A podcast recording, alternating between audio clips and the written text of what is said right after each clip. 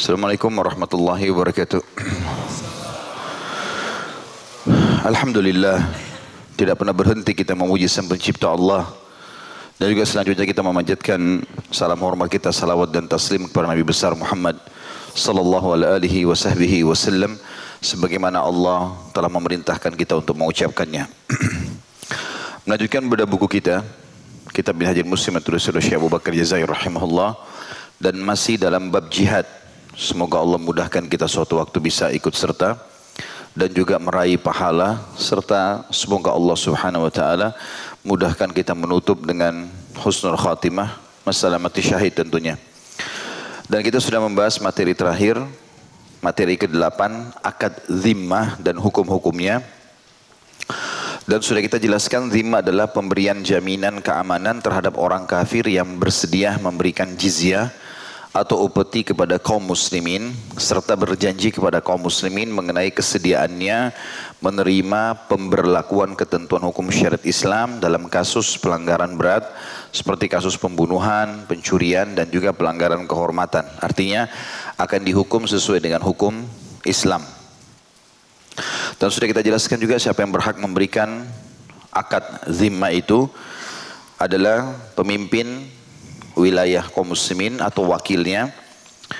Juga sudah kita jelaskan pentingnya seorang muslim membedakan antara dirinya dengan ahli zimmah walaupun mereka memiliki hak-hak yang bisa kita kasih ya yang kita bisa kasih dan sudah kita jelaskan semua itu juga termasuk hal-hal yang membatalkan hak-hak ahli zimmah setelah menjelaskan apa saja hak-hak ahli zimmah itu Ya, intinya mereka tidak boleh diganggu, mereka diberikan keleluasaan dalam melakukan aktivitas mereka, tetapi tidak boleh mengganggu kaum muslimin. Dan kita akan lanjutkan insya Allah malam ini materi kesembilannya gencatan senjata, perjanjian untuk tidak saling menyerang dan perdamaian. Masalah gencatan senjata, kata Syekh Abu Bakar rahimahullah, dibolehkan membuat perjanjian genjatan senjata dengan pihak musuh jika di dalamnya mengandung kemaslahatan bagi kaum muslimin. Karena Rasulullah SAW sendiri telah beberapa kali membuat perjanjian gencatan senjata dengan pihak musuh dalam sejumlah peperangan beliau alaihissalatu wassalam. Di antaranya adalah perjanjian gencatan senjata dengan kaum Yahudi Madinah saat datang ke Madinah hingga mereka melanggarnya dan mengkhianati beliau sallallahu alaihi wasallam maka beliau memerangi dan mengusir mereka dari Madinah. Dan ini tentu selalu diprioritaskan dalam Islam sebelum terjadi peperangan. Bahkan dalam uh, pola Nabi SAW dalam peperangan atau jihad beliau selalu mendahulukan gencatan senjata atau perdamaian dibandingkan perang. Setelah Nabi SAW taklukkan Khaybar ada sembilan benteng dan itu takluk semua di tangan kaum muslimin. Mayoritasnya mereka minta perdamaian dan Nabi SAW terima.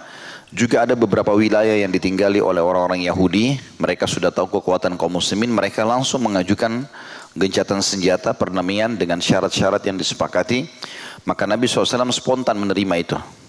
Dan ini adalah pola perang Nabi Shallallahu Alaihi Wasallam. Jadi kalau ada isu yang mengatakan baginda Nabi Alaihi Wasallam memang orang yang suka menumpahkan darah, Islam mengajarkan perang, itu pemahaman yang keliru. Karena tidak pernah dalam kehidupan Nabi SAW walaupun beliau lagi puncak-puncaknya punya kekuatan militer itu mendahulukan peperangan daripada gencatan senjata. Makanya di kesepakatan Hudaybiyah sebenarnya muslimin sudah punya kekuatan dan mereka dengan 1400 orang bisa masuk ke Mekah pada saat itu. Tapi pada saat Quraisy mengajukan perdamaian, kesepakatan Hudaybiyah mau dicatat, maka Nabi SAW setuju. Dan hampir seluruh sahabat tidak setuju pada saat itu. Terutama Umar bin Khattab yang beliau sangat marah. Walaupun marahnya bukan kepada Nabi SAW, maksudnya marah kepada orang Quraisy yang melarang kaum muslimin untuk masuk umroh pada saat itu. Dan ditulis kesepakatan itu, kebanyakan kesan akadnya itu adalah menyujudkan kaum muslimin. Karena siapa pun yang masuk Islam dari penduduk Madinah dan dari penduduk Mekah wajib dikembalikan ke Mekah. Dan siapa pun dari penduduk Madinah yang murtad meninggalkan Islam ke Mekah nggak boleh dikembalikan ke Madinah. Kaum muslimin tidak boleh masuk umroh pada saat itu harus ditunda tahun depan. Dan ada gencatan senjata selama 10 tahun. Tidak ada peperangan di antara mereka. Tapi Nabi SAW melihat maslahat dan mudaratnya. Ternyata memang permasalahan paling besar umat Islam dari Quraisy. Maka Nabi SAW menerima kesepakatan damai itu untuk mengatur strategi perang beliau alaihissalatu wassalam. Maka pada saat itu beliau sangat leluasa memerangi semua suku-suku Arab yang jumlahnya kecil, tidak sebanyak Quraisy yang tadinya berkumpul bersama Quraisy di pasukan Ahzab. Jadi Nabi SAW memerangi mereka satu persatu, akhirnya sampai puncaknya memerangi orang-orang Yahudi di Khaybar, lalu terakhir menyerang Quraisy di Mekah setelah terjadi pengkhianatan. Dan ini manfaatnya sangat besar. Pertama, menolak isu bahwasanya Nabi SAW dan muslimin memang diperintahkan untuk menumpahkan darah seperti sebagian orang sekarang banyak menyebarkan isu itu. Padahal kita kaum muslimin, Islam itu sendiri adalah termasuk perdamaian ya, dari maknanya. Dan kita tahu kalimat salam yang selalu kita ucapkan Assalamualaikum sama kita Semoga selalu keselamatan untukmu ya, Bahkan orang-orang kafir pun kalau mengucapkan itu Kita membalas dengan mengatakan Waalaikum walaupun tidak lengkap gitu kan. Jadi kalau selama mereka melemparkan Assalamualaikum, semoga keselamatan buat kalian, mereka seperti mendoakan kita. Kita menjawab waalaikum dan untuk kalian, walaupun tidak dibaca warahmatullahi wabarakatuhnya gitu kan. Dan ini semua menandakan memang Islam mendahulukan perdamaian. Ya. Kemudian juga umat Islam bisa lebih mengatur ya, apa yang mereka butuhkan di wilayah-wilayah mereka sampai mereka sudah mapan dan sudah siap menghadapi musuh-musuh pada saat mereka diserang. Nah itu manfaatnya sangat besar.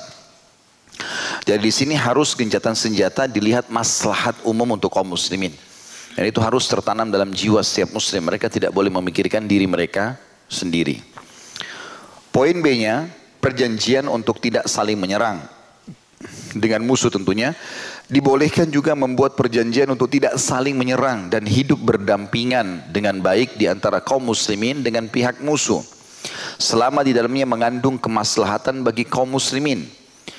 Rasulullah SAW telah beberapa kali membuat perjanjian seraya beliau bersabda, Nafi lahum biahdihim wa nasta'inullaha alaihim. Kita harus menepati perjanjian yang telah dibuat dengan mereka dan kita memohon perlindungan kepada Allah dalam menghadapi mereka. Hadis ini riwayat Muslim nomor 1787. Jadi kapan orang non muslim adakan perdamaian, kita terima. Langsung kita terima saja. Tapi tinggal butir-butir yang disepakati di sini. Ya. Ini juga ada sebagian ulama memberikan batasan, kita akan menerima kesepakatan atau gencatan senjata dari musuh yang tidak berkhianat. Kalau mereka sudah terbukti pernah berkhianat, tidak boleh lagi buat gencatan senjata. Dan siapa yang menjadi otak daripada perlakuan pengkhianatan itu harus dihukum. Ini subhanallah ada beberapa khalifah di zaman Uthmaniyah dulu. Beliau-beliau sempat luput dalam poin ini dibahas oleh para ahli sejarah. Bahkan sempat terjadi di zaman Sultan Muhammad Al-Fatih rahimahullah. Salah satu khalifah yang masyhur yang menembus Konstantinopel gitu kan. Ternyata ada beberapa pemberontak di zaman akhir-akhir kerajaan beliau itu yang membuat permasalahan, ribut, kekacauan, membantai umat Islam. Lalu pada saat mereka sudah terdesak, mereka ajukan perdamaian. Lalu diterima oleh Sultan Muhammad. Karena dianggap ini adalah harusnya bisa diterima perdamaian-perdamaian. Dia berkhianat, Lalu diajukan lagi perdamaian yang kedua pada saat terdesak di waktu yang berbeda. Diterima lagi sampai tiga kali. Tapi korbannya dari kaum muslimin sudah sangat banyak. Jadi gencatan senjata sebenarnya diterima dari orang-orang yang tidak berkhianat. Ya, makanya Nabi SAW mencontohkan itu. Pada saat Bani Nadir dan Bani Quraidah sudah punya gencatan senjata di Madinah. Tapi ternyata mereka berkhianat. Bani Kainuqa membunuh seorang muslim di pasar mereka Sementara Bani Nadir berusaha membunuh Nabi SAW waktu Nabi sedang main atau datang ke tempat pemukiman mereka. Dan Nabi SAW minta si pelaku saja tapi mereka tidak mau beri. Mereka mendukung pelaku kriminal itu maka oleh Nabi SAW diperangi. Jadi nggak ada lagi toleransi karena pengkhianatan terjadi. Kalau tidak ada pengkhianatan maka kita boleh berdamai. Ya. Jangankan dengan orang-orang non muslim, Orang muslim saja kalau kita sudah terbukti dia berkhianat, maka tidak ada lagi kepercayaan bisa diberikan kepada dia. Walaupun tetap kita menjaga ukhuwah kita. Ya, seperti itulah kurang lebih. Dan Nabi Alaihissalam dalam hadis ini menunjukkan kepada kita bagaimana beliau menyuruh kita menepati janji yang kita sudah sepakati dengan orang muslim. Kalau kita sudah tulis butir kita harus sepakat sampai mereka berkhianat. Ya. Jadi pada saat terjadi pengkhianatan orang-orang Quraisy, ya, uh, suku Bakar, ya, yang merupakan menjadi salah satu sekutu, ya, itu ternyata berkhianat kepada suku Khuza'ah. Khuza'ah kebetulan jadi sekutunya kaum muslimin dan suku Bakar menjadi sekutunya Quraisy. Mereka berusaha membunuh sekutu Nabi Shallallahu Alaihi Wasallam maka dengan dengan terbunuhnya sekutu, memerangi atau membunuh salah satu sekutu kaum muslimin berarti memerangi kaum muslimin. Dan ini sudah cukup untuk membatalkan akad. Abu Sufyan waktu itu dan Quraisy ketakutan. Jangan sampai Nabi SAW yang sudah menjalani perdamaian tiba-tiba menyerang dari Madinah. Karena mereka pada zaman dulu tidak punya medsos. Jangan tiba-tiba pasukan sudah datang. Maka mereka mengutus Abu Sufyan untuk datang ke Madinah. Lalu negosiasi dengan Nabi SAW. Tetapi ternyata berita tentang mereka mengkhianati suku Khuza'ah ini sudah sampai ke telinga Nabi Alaihissalam. Dan kepala sukunya sudah datang menemui Nabi Alaihissalam dan menyampaikan semua kisah. Gitu kan. Tapi Nabi SAW dengan sangat tenang. Ya, dan ini salah satu tipe pemimpin muslim yang baik. Kalaupun ada sesuatu mereka tidak panik. Mereka sangat tenang dan Abu Sufyan datang, dia bingung untuk masuk di Madinah. Siapa yang harus dahulu diajak diskusi nih? Maka dia mengingat dia punya anak namanya Ummu Habibah radhiyallahu anha. Ini adiknya Muawiyah radhiyallahu anhum ajma'in. Ini sudah masuk Islam dan menjadi istri Nabi SAW. Waktu itu Abu Sufyan ayahnya belum masuk Islam. Maka dia datang ke rumah Ummu Habibah. Dia lihat rumahnya sederhana sekali. Lalu dia ingin duduk di sebuah karpet. Ada seperti kulit domba tapi tua. Begitu dia mau duduk, Ummu Habibah langsung tarik. Ya, seakan-akan ayahnya tidak boleh duduk di situ, Abu Sufyan. Abu Sufyan langsung berkata, begitu buruk kamu amalahmu sama ayahmu, hai Ummu Habibah. Gitu. Artinya senilai apa kulit kambing itu sampai engkau tidak mau ayahmu duduk di situ. Kata dia, wahai ayahku, sesungguhnya ini adalah kulit kambing yang sering diduduki oleh Nabi SAW dan beliau seorang Nabi. Anda kafir. Maka tidak layak anda duduk di sini. Gitu kan? Mendengar kalimat tersebut Abu Sufyan faham tidak akan mungkin ada solusi dari anaknya.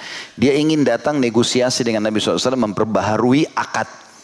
Seakan-akan Nabi belum tahu pengkhianatan mereka gitu kan. Tapi Nabi sudah tahu Wasallam. Maka dia bingung ke mana nih harus pergi. Gitu kan. Datang ke Abu Bakar. Abu Bakar mengatakan kami bersama Nabi Wasallam. Nabi mau perbaharui silahkan. Kami tidak mau ya sudah. Gitu kan. Lalu datang kepada Umar. Dia cari negosiasi. Siapa kira-kira yang bisa ngajak dia perbaharui akad. Umar marah. Umar mengatakan, wahai Abu Sufyan, kalau saya tidak punya teman untuk memerangi kalian kecuali semut, saya akan temani itu semut. Nah. Ya, nah. Maka dia bingung. Abu Bakar nolak, Ummu Habibah nolak tadi, Abu Bakar nolak, Umar nolak. Siapa lagi nih? Ya, datang ke Uthman, Uthman juga menyatakan yang sama. Seperti Abu Bakar mengatakan itu. Lalu terakhir datang kepada Ali. Maka Ali bin Abi Thalib bilang, saran saya Abu Sufyan, kau masuk saja ke masjid, temui Nabi SAW dan coba kau perbaharui akad sendiri. Kata Abu Sufyan, kira-kira bermanfaat gak itu? Kata Ali, mungkin coba saja. Gitu kan? Karena tidak ada yang bisa ambil keputusan kecuali Nabi Shallallahu Alaihi Wasallam. Masuklah Abu Sufyan ke masjid lalu dia mengatakan, wahai Muhammad, aku datang jauh-jauh karena ingin memperbaharui akad. Daripada 10 tahun kita buat aja 20 tahun gitu. Dia pikir Nabi belum tahu ini mereka berkhianat di Mekah, membunuh beberapa kaum muslimin dekat Ka'bah pada saat itu. Maka akhirnya Nabi SAW mengatakan, untuk apa diperbaharui? Kami tidak berkhianat, kecuali kalian berkhianat. Tapi Nabi sudah tahu. Tidak, kami tidak berkhianat. Kami cuma mau memperbaharui saja, supaya perdamaian lebih banyak. Kata Nabi SAW, kami sesuai dengan kesepakatan. Maka Abu Sufyan berdiri lalu berkata, diikuti sarannya Ali. Dia mengatakan, wahai muslimin ketahuilah, aku perbarui akad kita 10 tahun lagi ke depan. Nabi SAW senyum sambil mengatakan, itu perkataanmu wahai Abu Sufyan. Sementara kami tidak mengatakan itu. Maka Abu Sufyan pun pulang ke Mekah lalu melapor kepada orang-orang Quraisy apa yang terjadi. Mereka langsung tertawa sambil mengatakan, sungguh Abu Sufyan kau telah dipermainkan oleh Ali. Musuhnya kau gak usah ikutin itu, percuma gitu. Tapi itu contoh bagaimana kesepakatan itu pada saat dikhianati, kita minta tolong kepada Allah SWT untuk melawan mereka. Tapi selama mereka dalam akad, kita kita pegang itu. Dan cara Nabi SAW menghukum para pengkhianat seperti ini, beliau punya strategi perang. Beliau SAW tidak pernah memberitahukan kepada seluruh pasukan mau ke arah mana pasukan itu. Kecuali panglima-panglima perangnya saja. Jadi pada saat akan menyerang Mekah, kalau kita anggap Mekah misalnya kali seluruh tangan saya ini, di sisinya Mekah ada satu suku besar namanya Hawazim, tinggal di sekitar kota Taif, 80 km dari Mekah. Itu memang niat ingin menyerang Madinah. Pasukan mereka besar, gitu kan. Nabi SAW mengarahkan pasukan ke sana sehingga hampir mayoritas sahabat tahunya akan menyerang Hawazim. Mereka tidak tahu Mekah supaya tidak bocor nih serangan gitu kan begitu dekat dengan suku Hawazim tiba-tiba Nabi SAW belokkan ke arah Mekah barulah pasukan tahu kalau akan menyerang Mekah gitu. Ini semua demi untuk menjaga uh, strategi perang yang diatur oleh Nabi SAW dan memang benar 10 ribu pasukan itu tiba-tiba di malam hari sudah ada di sekitar Mekah ya, dan mereka tidak tahu masalah itu Abu Sufyan pada saat balik dari Madinah sudah gelisah dia keluar malam-malam lalu dia lihat banyak sekali obor-obor api lalu dia kaget siapa mereka ini. Mereka dia tidak tahu kalau itu adalah Nabi SAW dan para kaum muslimin. Sampai ketemu dengan Abbas, paman Nabi SAW yang baru saja masuk Islam pada saat itu, baru dia sadar ternyata itu muslimin. Dan Abbas menasihati, hai Abu Sufyan, kalau kau nggak serahkan Mekah nih, ini 10 ribu orang besok masuk hancurin Mekah. Maka Abu Sufyan pun akhirnya pada saat itu masuk ingin menebus dengan Nabi SAW Abbas orangnya besar, Abu Sufyan juga orangnya besar. Waktu itu Abbas naik unta Nabi Shallallahu Alaihi Wasallam. Tapi karena dua-duanya besar, untanya jadi lambat jalan. Penjaga keamanan malam itu Umar bin Khattab. Umar naik keledai. Ya. Jadi untanya Nabi lambat, keledainya lambat. Tapi Umar jeli. Begitu dia lihat Abbas masuk, dia tahu Abbas baru syahadat tadi dan pakai untahnya Nabi. Tapi di belakangnya Abbas ada orang. Diintip oleh Umar ternyata Abu Sufyan. Lalu Umar mengatakan Abu Sufyan pemimpinnya orang kafir, gitu kan? Kau serahkan kepalamu sendiri. Diserang sama Umar tapi Abbas membawa lari supaya selamat. Sampai di kemah Nabi SAW, Abbas sama Abu Sufyan masuk, maka Umar pun turun dari keledainya, lalu masuk mengatakan, Ya Rasulullah, pemimpin orang kafir nyerahin kepalanya. Izinkan saya tebas saja. Kata Nabi SAW, jangan. Ya. Abbas sebab mengatakan, Ya Rasulullah, dia dibawa perlindunganku. Aku sudah masuk Islam. Abu Sufyan datang mau masuk Islam. Akhirnya syahadat Abu Sufyan pada saat itu. Ya. Setelah syahadat, Nabi SAW bilang sama Abbas, tahan dia. Jangan biarkan dia pulang ke Mekah malam ini. Biarkan saja. Karena Nabi sudah tahu ada keraguan dalam keislamannya. Karena terpaksa dia lihat pasukan banyak gitu. Habis sholat subuh, Nabi SAW suruh pasukan 10 ribu itu terbagi menjadi seribu-seribu. Jadi ada bukit, seribu itu disuruh mutar. Lewat di depannya Abu Sufyan. Disuruh Nabi SAW panggil Abu Sufyan, lihat ini pasukan muslimin. Lewat seribu orang, menunjukkan keterampilan perangnya, mutar jalan. Seribu lagi datang. Terus begitu. Jadi sepuluh ribu ini jalan semuanya. Terakhir, ya itu dari suku Bakar, dari suku-suku Arab yang bergabung. Terakhir datang kaum muhajirin, orang Mekah. Setelah mereka kurang lebih delapan tahun ikut peperangan Nabi SAW, sudah punya keterampilan dalam perang mereka tunjukkan keterampilan perang. Abu Sufyan kaget. Siapa mereka ini? Karena cuma matanya yang kelihatan. Kata Nabi SAW, apa kau lupa? Itu orang-orang sukumu sendiri. Muhajirin dari Mekah yang dulu kalian tindas.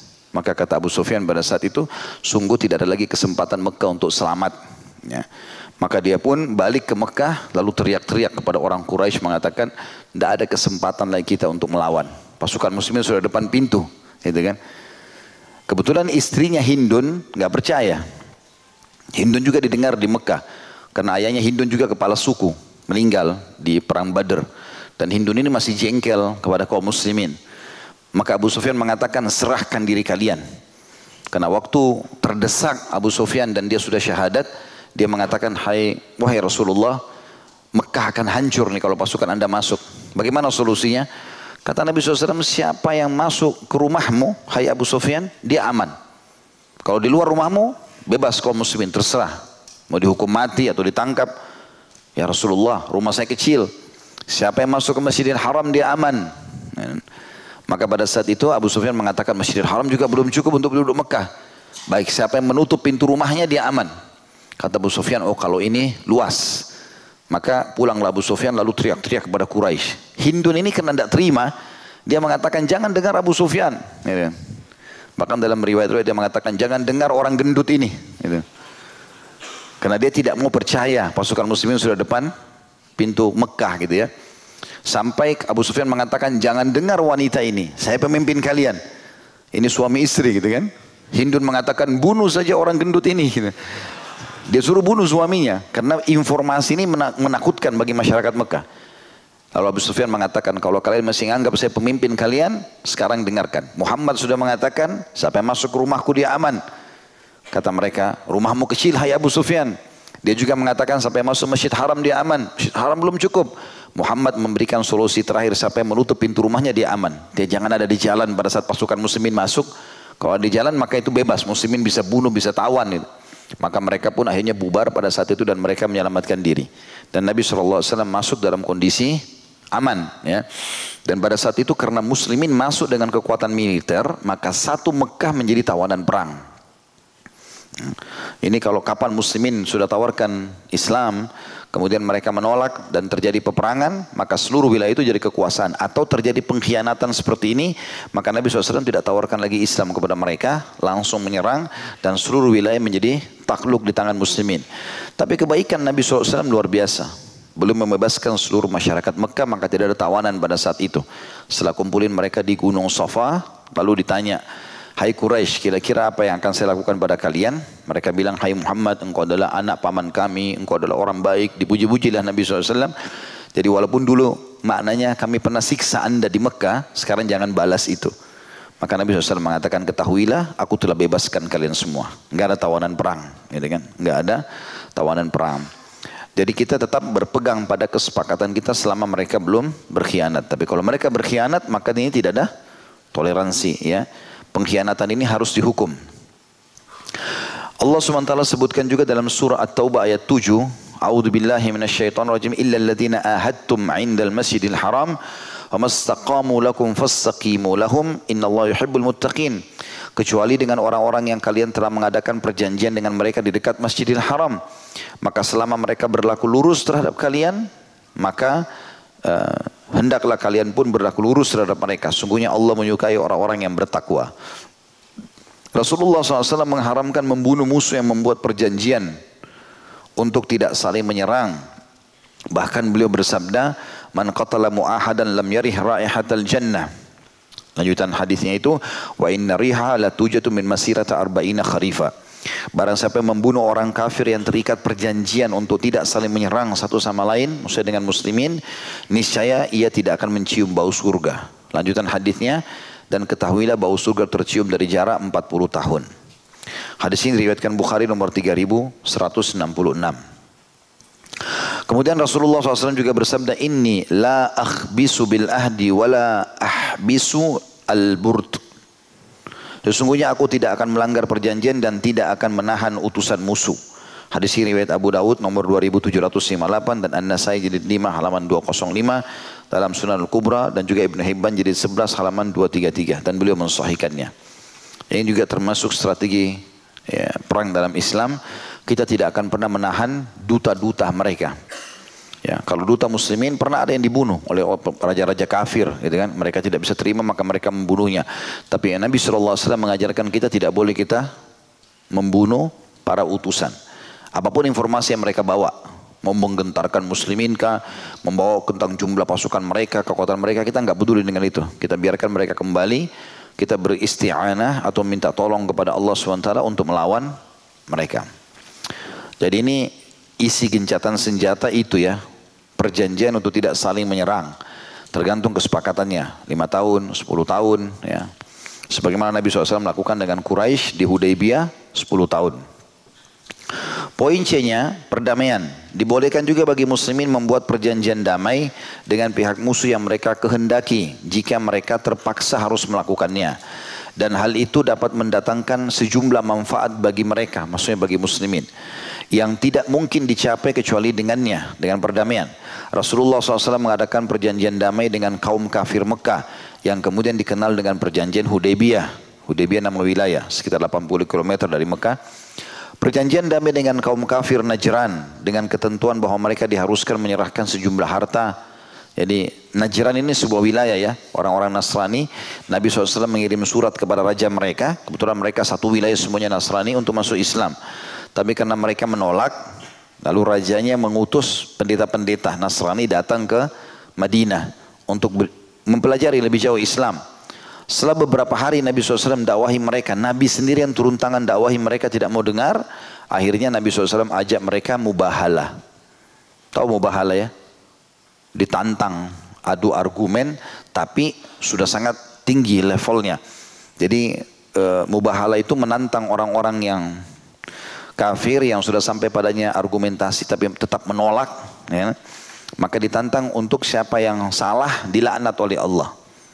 Maka Nabi SAW mendatangkan Hasan, Hussein dan Fatimah radhiyallahu anak dan cucu beliau Kemudian para pendeta juga mendatangkan keluarganya, lalu mereka berdiri, Nabi SAW dan mereka para pendeta berdiri di dekat di lapangan, sebuah lapangan luas, ada sebuah gunung.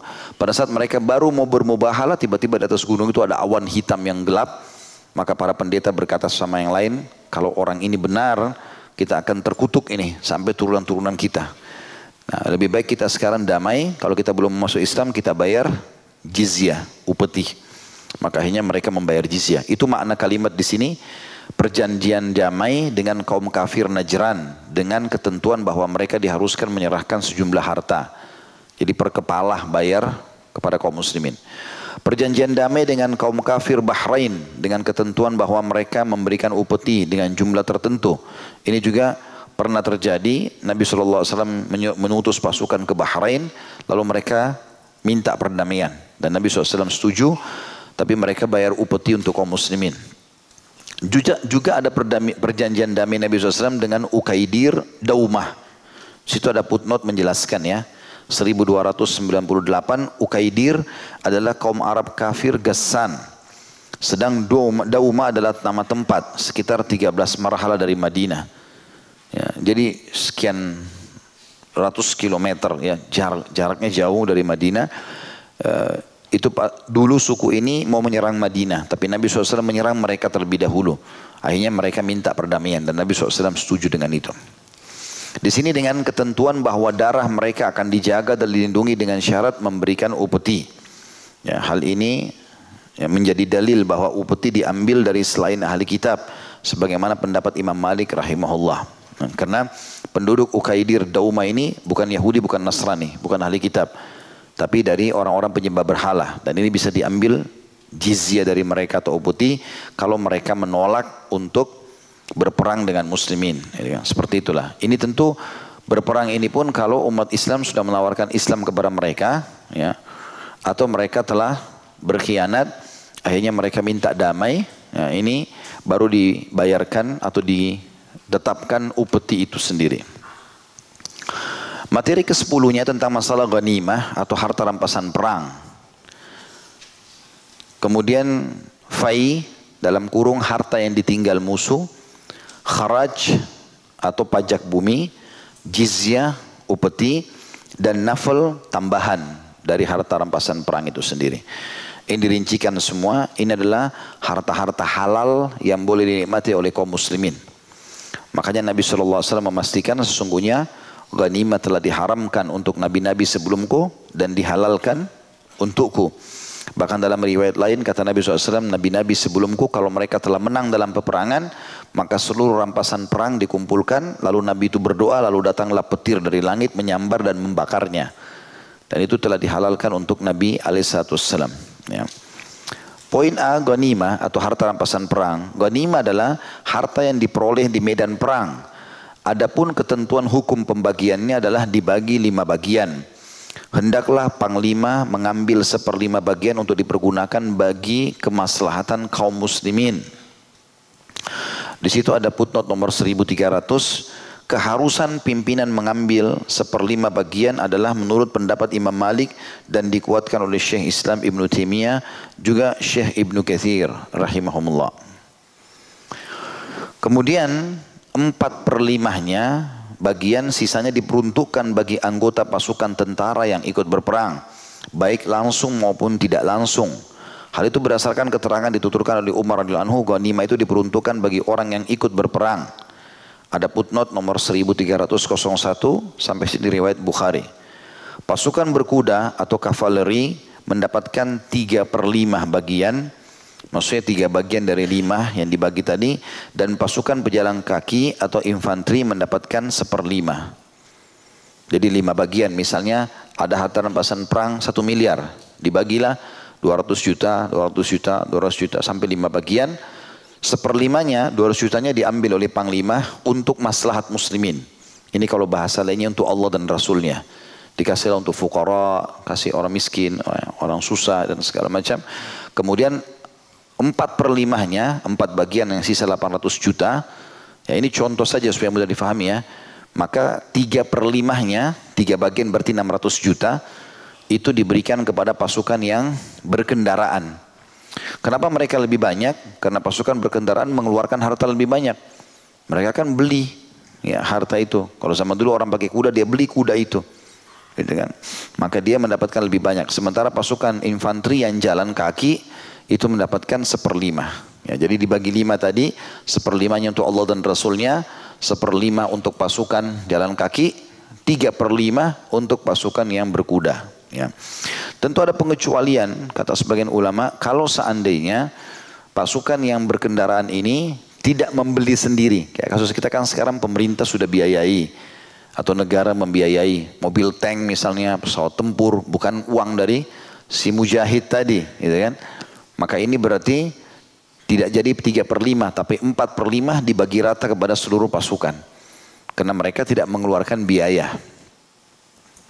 Allah berfirman berhubungan dengan masalah pembagian ghanimah ini dalam surah Al-Anfal ayat 41.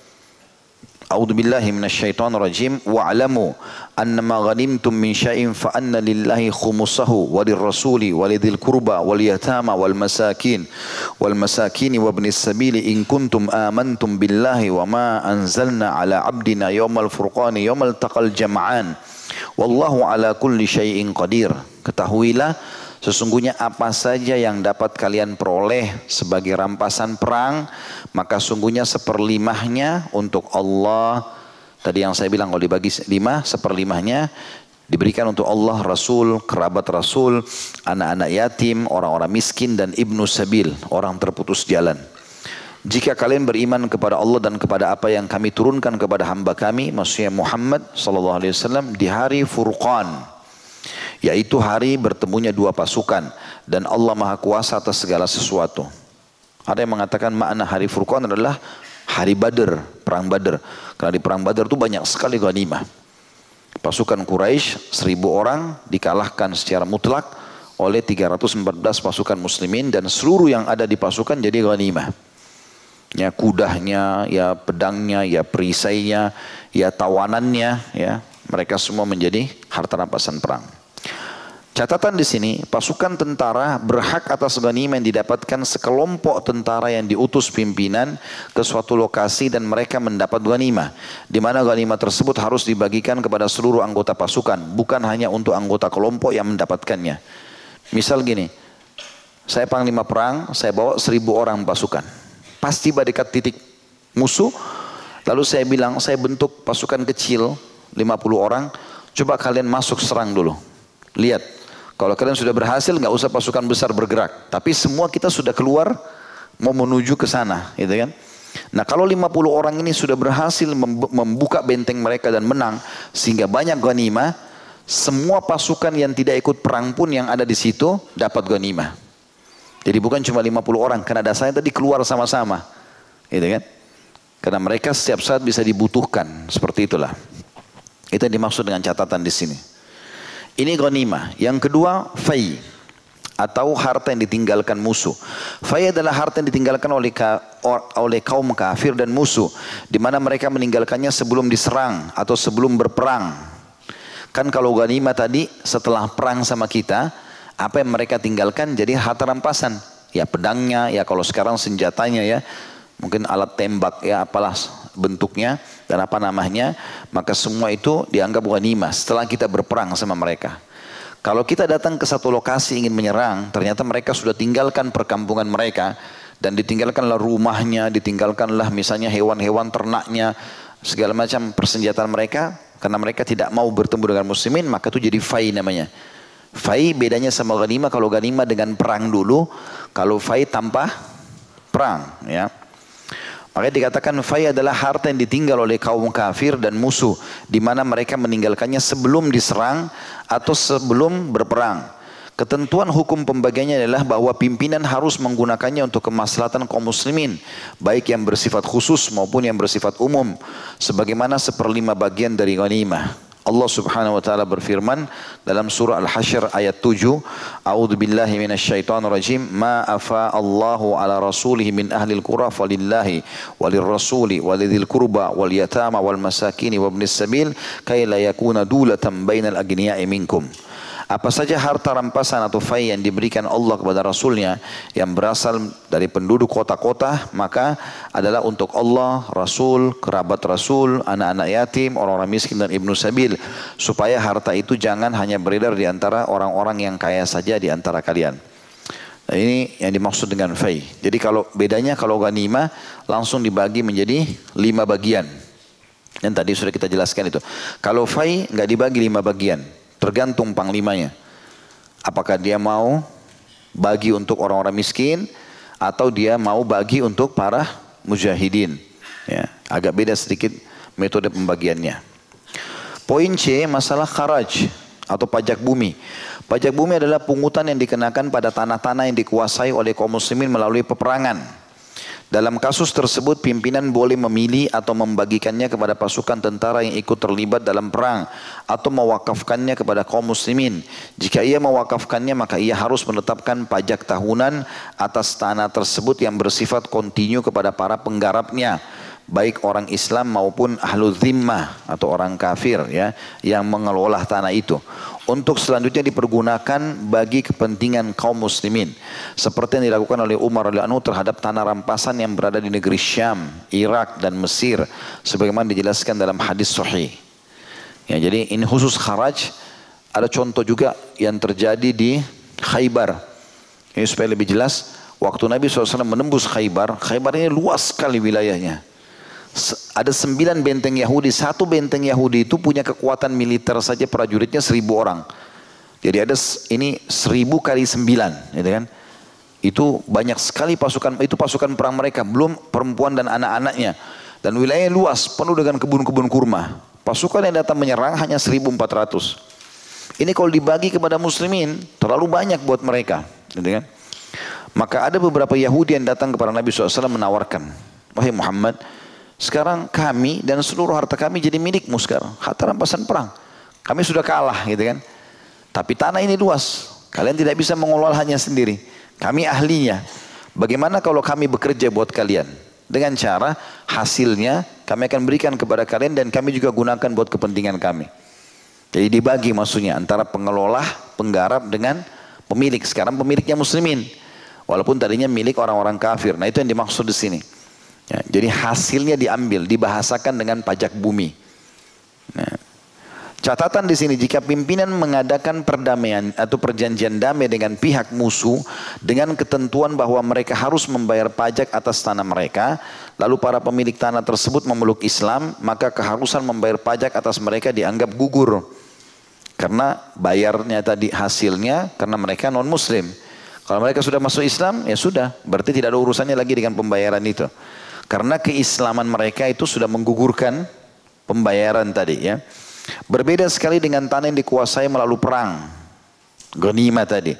Meskipun pada akhirnya para pemiliknya memeluk Islam, tapi mereka tetap diharuskan membayar pajak atas tanah tersebut. Bedanya haraj dengan ghanimah. Kalau kita sudah masuk dengan kekuatan militer dan kita menang, maka biar pemiliknya masuk Islam, tetap aja itu menjadi harta rampasan perang. Itu terjadi uh, pada pasukan Hawazim ya, di perang Hunain. penduduk kota Taif yang Nabi SAW serang setelah pembebasan kota Mekah gitu kan. Jadi Nabi SAW kepung benteng mereka, mereka tidak mau keluar dari bentengnya. Lalu Allah SWT turunkan kepada mereka, eh, kepada Nabi SAW berita bahwasanya ada kota yang kalian belum Allah izinkan untuk menembusnya. Itu kota Taif. Tapi sebelum mengepung benteng Taif, itu sempat Nabi SAW menang di uh, Hunain, ya, di lembah Hunain. Sekarang dekat dengan Jirana, ya. Biasanya ada orang uh, berihram dari sana karena Nabi SAW waktu selesai membagi-bagi harta rampasan perang Hunain, suku Hawazim, beliau berihram lalu beliau umroh dari situ, gitu kan. Itu ada lembah, tapi saya sendiri belum pernah lihat lembah itu. Karena saya coba mutar-mutar di sana, beberapa orang pun orang Saudi saya tanya mereka tidak tahu titik pasnya di mana. Ya, itu ada lembahnya. Intinya situ ada banyak gunung-gunung batu dan lembah-lembah. Nah, salah satu lembah pernah dipakai perang Hunain di sekitar situ. Nah di situ teman-teman sekalian pada saat terjadi perang Hunain dan Nabi SAW memenangkan peperangan maka banyak sekali harta rampasan perang termasuk para wanita dan anak-anak suku Hawazim begitu juga dengan harta mereka. Kaum laki-lakinya pada melarikan diri ke dalam benteng Taif diserang dikepung oleh muslimin tapi ke sana sudah lama sekitar 40 hari mungkin dikepung tidak bisa tembus Allah turunkan ayat memang Allah belum mengizinkan itu. Maka Nabi SAW belum membagi ghanimah. Ghanimahnya tadi ada perempuan, ada anak-anak, ada pedang dan segala macam gitu kan. Dengan harapan suku Hawazim datang masuk Islam. Kalau mereka masuk Islam, dikembalikan semua ghanimah itu. Harta rampasan perang tadi. Tapi karena mereka lama nggak datang, maka Nabi SAW membagi-bagi. Seluruhnya dibagi. Kaum wanita mereka, anak mereka, harta mereka semua dibagi. Setelah dibagi, baru selesai pembagian pagi harinya, sore hari mereka datang mau masuk Islam. Maka Nabi Shallallahu Alaihi Wasallam mengatakan pada mereka, di mana kalian? Itu kan. Saya sudah menunggu sekian hari untuk masuk Islam dan akan saya kembalikan. Sekarang sudah di tangan orang-orang semuanya. Kita nggak mungkin tarik lagi, gitu kan? Sudah dibagi nih ghanimah, harta rampasan perang, hukum Allah begitu. Ya, akhirnya mereka minta kepada Nabi SAW bagaimana solusinya. Oke kata Nabi ada solusi lain. Kalau wanita kalian dengan anak-anak kalian saya masih bisa bantu. Saya coba nanti negosiasikan kepada muslimin. Tapi kalau harta, pedang, perisai, ini nggak bisa lagi. nggak mungkin kita tarik. Gitu kan. Maka Nabi SAW mengatakan kumpullah setelah mereka kumpul semua pasukan muslimin. Lalu Nabi SAW mengatakan ini saudara-saudara kalian dari benteng Five. Mereka datang. Mereka masuk Islam, gitu kan? Dan kalian tahu sekarang hak-hak mereka, istri-istri mereka, wanita mereka, anak-anak mereka, harta mereka di tangan kalian ghanimah. Mereka punya hajat, sampaikanlah kata Nabi SAW. Maka mereka bilang, wahai muslimin, kalian kami sekarang sudah bersaudara dengan kalian. Apalagi enaknya hidup tanpa ada wanita, tanpa ada anak-anak kami. Harta kami semua di tangan kalian. Kami mohon itu untuk dikembalikan, gitu kan? Muslimin diam, maka Nabi SAW memulai sambil mengatakan, semua yang ada di bagianku, kata Nabi, dari wanita dan anak-anak, aku kembalikan.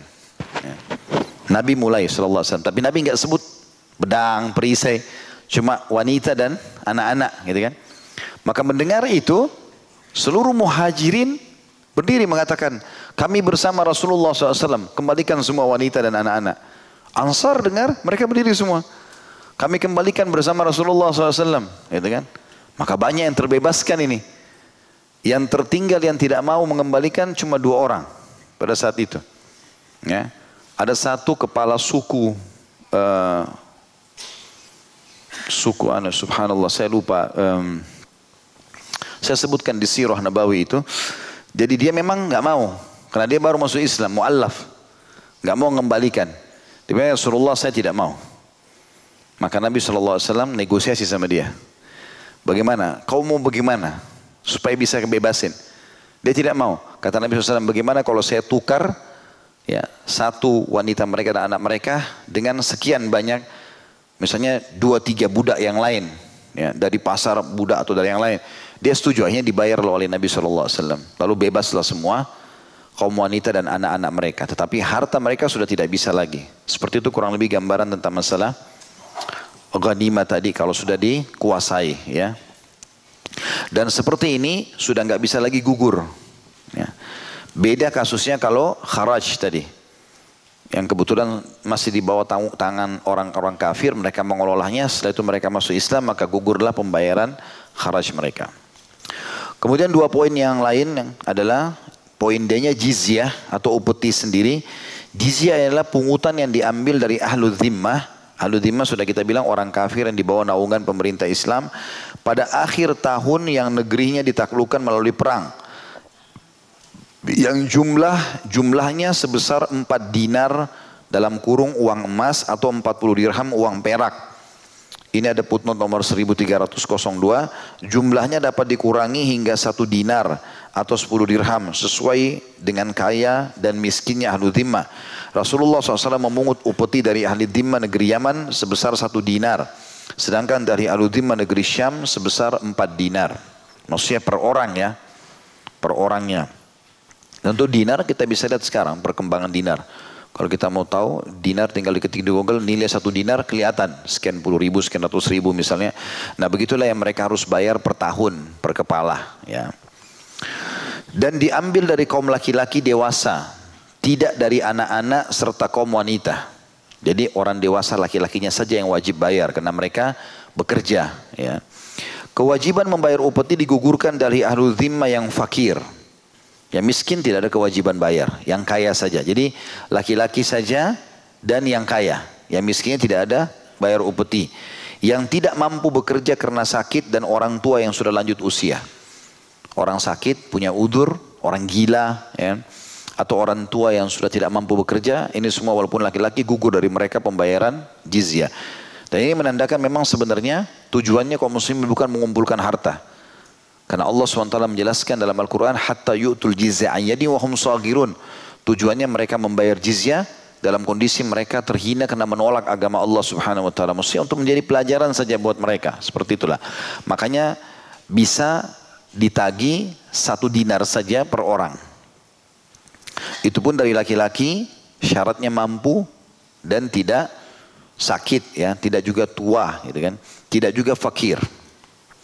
Adapun ahlu dhimma yang membuat perdamaian dengan kaum muslimin, maka diwajibkan atas mereka membayar upeti sesuai dengan ketentuan dalam perdamaian. Namun jika mereka masuk Islam, maka kewajiban itu dianggap gugur secara keseluruhan. Ya. Jadi kalau ada, saya ulangi, paragraf pertama, kalau ada negeri yang ditaklukkan melalui perang, maka pada saat itu mereka takluk nih. Kalau mereka mau membayar mereka diajak Islam tidak mau maka mereka bayar jizyah, upeti. Itu empat dinar emas atau ya, 40 dirham perak. Bisa turun dari satu dinar emas atau 10 dirham perak ya. Tetapi kalau seandainya belum terserang, belum diserang, belum ditaklukkan, lalu mereka sudah langsung negosiasi sama muslimin, maka di sini mereka membayar upeti tergantung kesepakatan antara panglima perang muslim dengan wilayah itu. Ketentuan hukum mengenai harta yang dihasilkan dari upeti adalah bahwa harta tersebut harus dipergunakan untuk kemaslahatan kaum muslimin. Landasan hukumnya adalah firman Allah Subhanahu wa taala dalam surah At-Taubah ayat 29. A'udzu billahi minasyaitonir rajim. Qatilul ladzina la yu'minuna qatilul ladzina la yu'minuna billahi wala bil yawmil akhir wala yuharrimuna ma harramallahu wa rasuluhu wala yadinuna dinal haqqi minal ladzina utul kitaba hatta yu'tul jizya an yadi wa hum sagirun. Perangilah orang-orang yang tidak beriman kepada Allah dan tidak pula kepada hari kemudian. Dan mereka tidak mengharamkan apa yang telah diharamkan oleh Allah dan Rasulnya. Dan tidak beragama dengan agama yang benar, yaitu agama Allah Islam. Yaitu orang-orang yang diberikan Alkitab kepada mereka sampai mereka membayar jizya dengan patuh. Sedang mereka dalam keadaan tunduk. Sedang mereka dalam keadaan tunduk. Tapi saksi bahasan kita adalah hatta yu'tul jizya. Jadi ada hukum boleh memetik atau memungut jizyah itu sendiri. Upeti dari setiap orang kafir yang kalah di peperangan ataupun yang meminta perdamaian ya, dari kaum muslimin. Poin E dan ini yang terakhir dijelaskan masalah harta-harta yang didapatkan dari peperangan adalah nafel atau tambahan. Nafal adalah harta yang diberikan pimpinan kepada orang yang ditugaskannya untuk menangani tugas-tugas atau operasi kemiliteran yang penting sebagai tambahan dari bagian ganimahnya. Setelah dikeluarkan bagian yang seperlima untuk daulah Islam atau negara Islam pemerintahan. Dengan syarat tidak lebih dari seperempat dari sisa seperlima yang diambil tersebut. Ya, apabila mereka dikirim ke dalam lokasi musuh dan tidak lebih dari sepertiganya apabila mereka telah kembali atau keluar dari lokasi musuh. Berdasarkan keterangan yang dituturkan Habib bin Maslamah, aku telah menyaksikan radhiyallahu anhu, aku telah menyaksikan Rasulullah SAW memberikan tambahan sebesar seperempat ketika berangkat atau sebesar sepertiga ketika pulang. Hadis riwayat Ahmad nomor 17015, Abu Dawud 2750, Al-Hakim jadi 2 halaman 145 dan beliau mensahihkannya.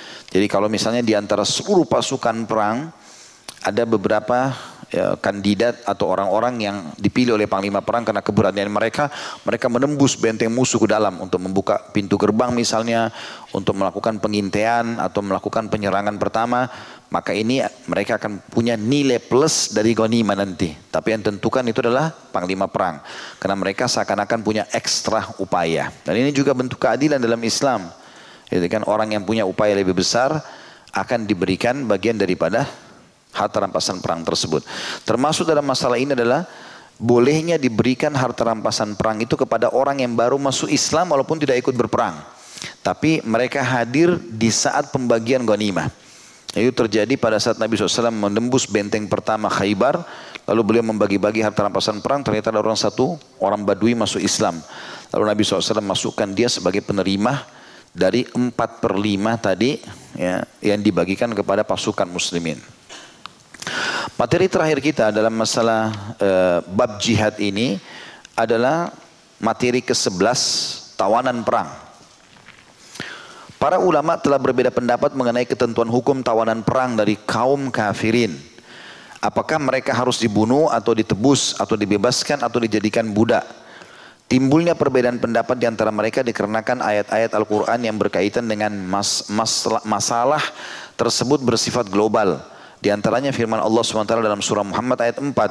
A'udhu billahi minasyaitan rajim fadarbar riqabi hatta idha athkhantumuhum fashuddul wathaka fa imma ba'du wa imma fida.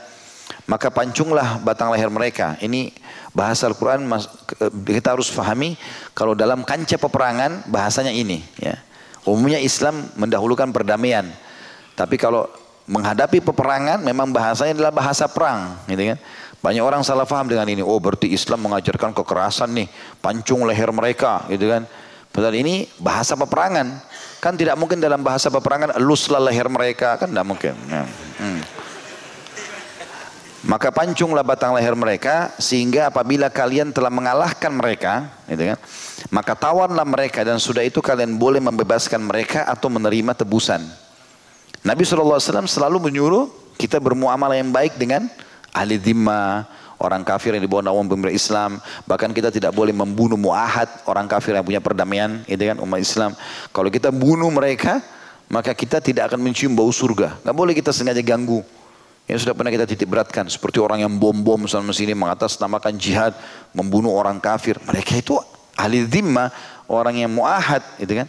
Mereka punya perdamaian dengan kita satu pemerintahan. Bagaimana mau dibunuh? Gak boleh. Ini mirip dengan orang yang mengganggu tetangganya. Ini kan Nasrani matikan aja lampunya ya. Ambil aja mobilnya. Gak boleh dalam Islam. Dari mana itu nah, jadi tidak boleh. Ini bahaya. Kita harus fahami sehingga tidak boleh terjadi. Kita boleh melakukan tindak ya sampai pada tingkat pembunuhan itu pun dengan cara yang santun di kancah peperangan. Makanya Nabi SAW di salah satu peperangan tepatnya di Uhud, beliau mengambil pedangnya sambil mengatakan siapa yang akan memberikan haknya Allah dan Rasul di pedang ini. Nabi SAW selama ini selalu lembut kalau di Madinah. Sampai pernah orang Yahudi datang sengaja mencekik Nabi SAW dengan imamah beliau, menagih utang belum waktunya. Nabi sabar. Berapa kali mereka lewat mengatakan Assalamualaikum, kematian buat kalian. Nabi SAW dengar. Nabi menjawab Waalaikum dan untuk kalian. Aisyah marah, Aisyah mengira Nabi SAW tidak dengar. Nabi mengatakan, eh, Aisyah mengatakan semoga kematian buat kalian. Kata Nabi SAW, hai Aisyah, tenanglah. Ya, tidak ada sesuatu yang dihiasi dengan kelembutan kecuali akan menghiasinya. Tidak ada sesuatu yang diangkat darinya kelembutan kecuali akan merusaknya. Ya. Lalu Aisyah mengatakan, ya Rasulullah, tidak anda dengar apa yang mereka bilang? Kata Nabi SAW, tidak aku dengar apa yang saya jawab. Doa kita kepada Allah untuk mereka diterima, doa mereka kepada Allah untuk kita tidak diterima. Jadi kalau mereka bilang assalamualaikum, kematian buat kalian Allah tidak akan terima. Tapi pada saat kami bilang waalaikum dan untuk kalian diterima. Berarti kita doakan kematian buat mereka sudah cukup. Mereka doa kita balas dengan doa. Kalau mereka pakai pedang kita baru pakai pedang. Itulah keadilan Islam kan gitu. Nah Nabi SAW selalu suruh berlemah lembut mendakwahi mereka, bersabar menghadapi mereka. Tapi di kancah jihad, peperangan sudah beda. Makanya Allah menggunakan bahasa tadi, masalah pancung. Itu kan bahasa-bahasa peperangan, gitu kan. Maka Nabi SAW mengulurkan pedang itu tanya, siapa yang mau memberikan hak Allah Rasulnya? Hamzah berdiri, mau mengambil. Saya Rasulullah. Nabi SAW tarik. Nabi tanya lagi yang kedua kali, siapa yang memberikan hak Allah dan Rasulnya? Ali bin Abi Thalib berdiri, langsung mau megang. Nabi SAW tarik. Terus saja begitu, beberapa sahabat, itu kan, berdiri Mikdad, ya, banyak sahabat-sahabat Nabi yang mulia berdiri, ditolak. Terakhir, Abu Dujana radhiyallahu anhu, Syammah radhiyallahu anhu yang mengatakan, ya Rasulullah, apa haknya Allah dan Rasulnya di pedang itu? Kata Nabi SAW, engkau mengambilnya dan engkau memukul musuhmu sampai bengkok. Artinya, saatnya sekarang kau perang, lemah lembut itu di dalam kota, tapi kalau mereka sudah keluar pakai baju perang, berhadapan sama kita, maka lawan mereka. Gitu kan? Tunjukkan keberanian pada saat itu. Tapi ini harus dihubungkan dengan hadis Nabi SAW riwayat Bukhari. Allah menyuruh kalian berbuat baik dalam setiap kegiatan. Nah, kalau kalian membunuh, bunuhlah dengan cara yang patut. Tusuk, mati selesai. Ingat, gak ada cungkil mata, gak ada potong kuping. Ini kesempatan kafir. Hah, gak boleh. Gitu kan? Bahkan kata Nabi SAW, jangan-jangan kalian membakar karena yang membakar hanya pemilik api itu. Maksudnya Allah Subhanahu Wa Taala. Di sini dikatakan maka uh, ayat ini kata beliau dikatakan memberikan pilihan kepada pemimpin antara membebaskan tawanan dengan mutlak tanpa tebusan atau mengharuskan mereka ditebus ya Allah berfirman maka pancunglah batang leher mereka sehingga apabila kalian telah mengalahkan mereka maka tawanlah mereka dan kalau misalnya ada yang tidak melawan, melepaskan senjata, tawan mereka. Dan sesudah itu kalian boleh membebaskan mereka atau menerima tebusan. Bisa kalian mengatakan sudahlah kalian bebas atau bisa kalian bebas tapi tebus. Tebusan ini bisa dua cara ya.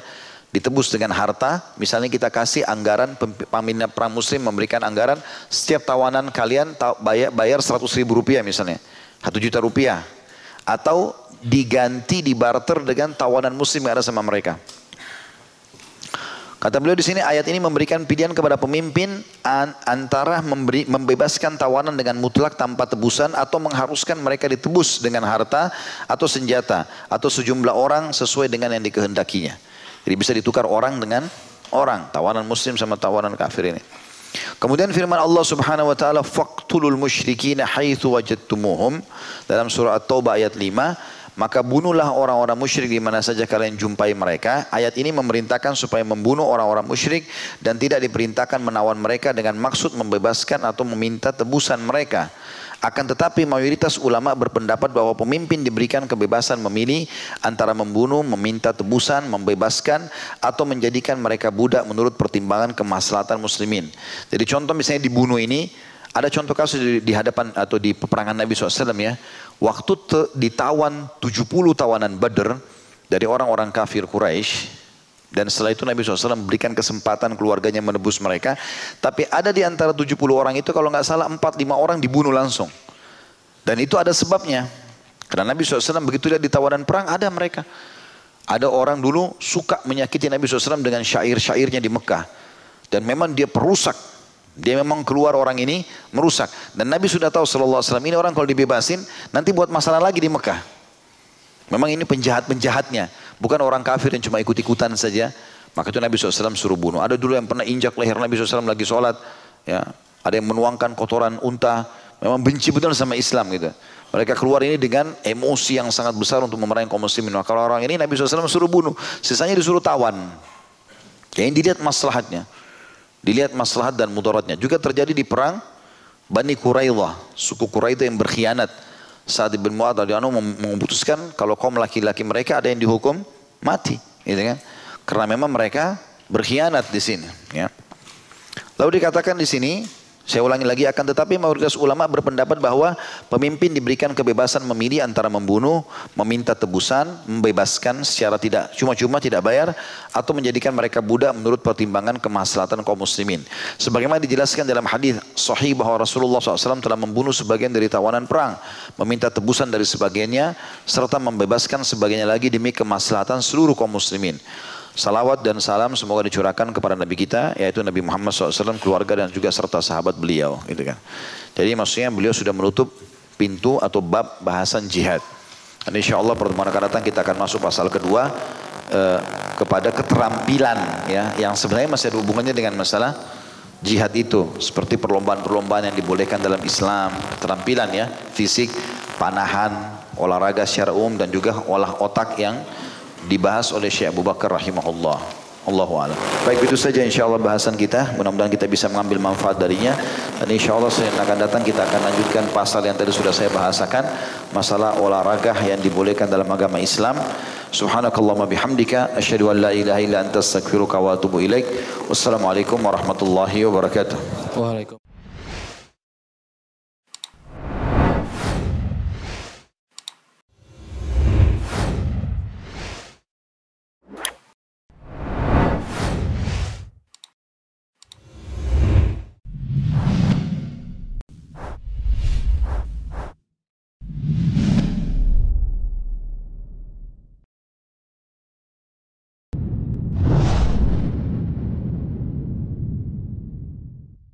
Assalamualaikum.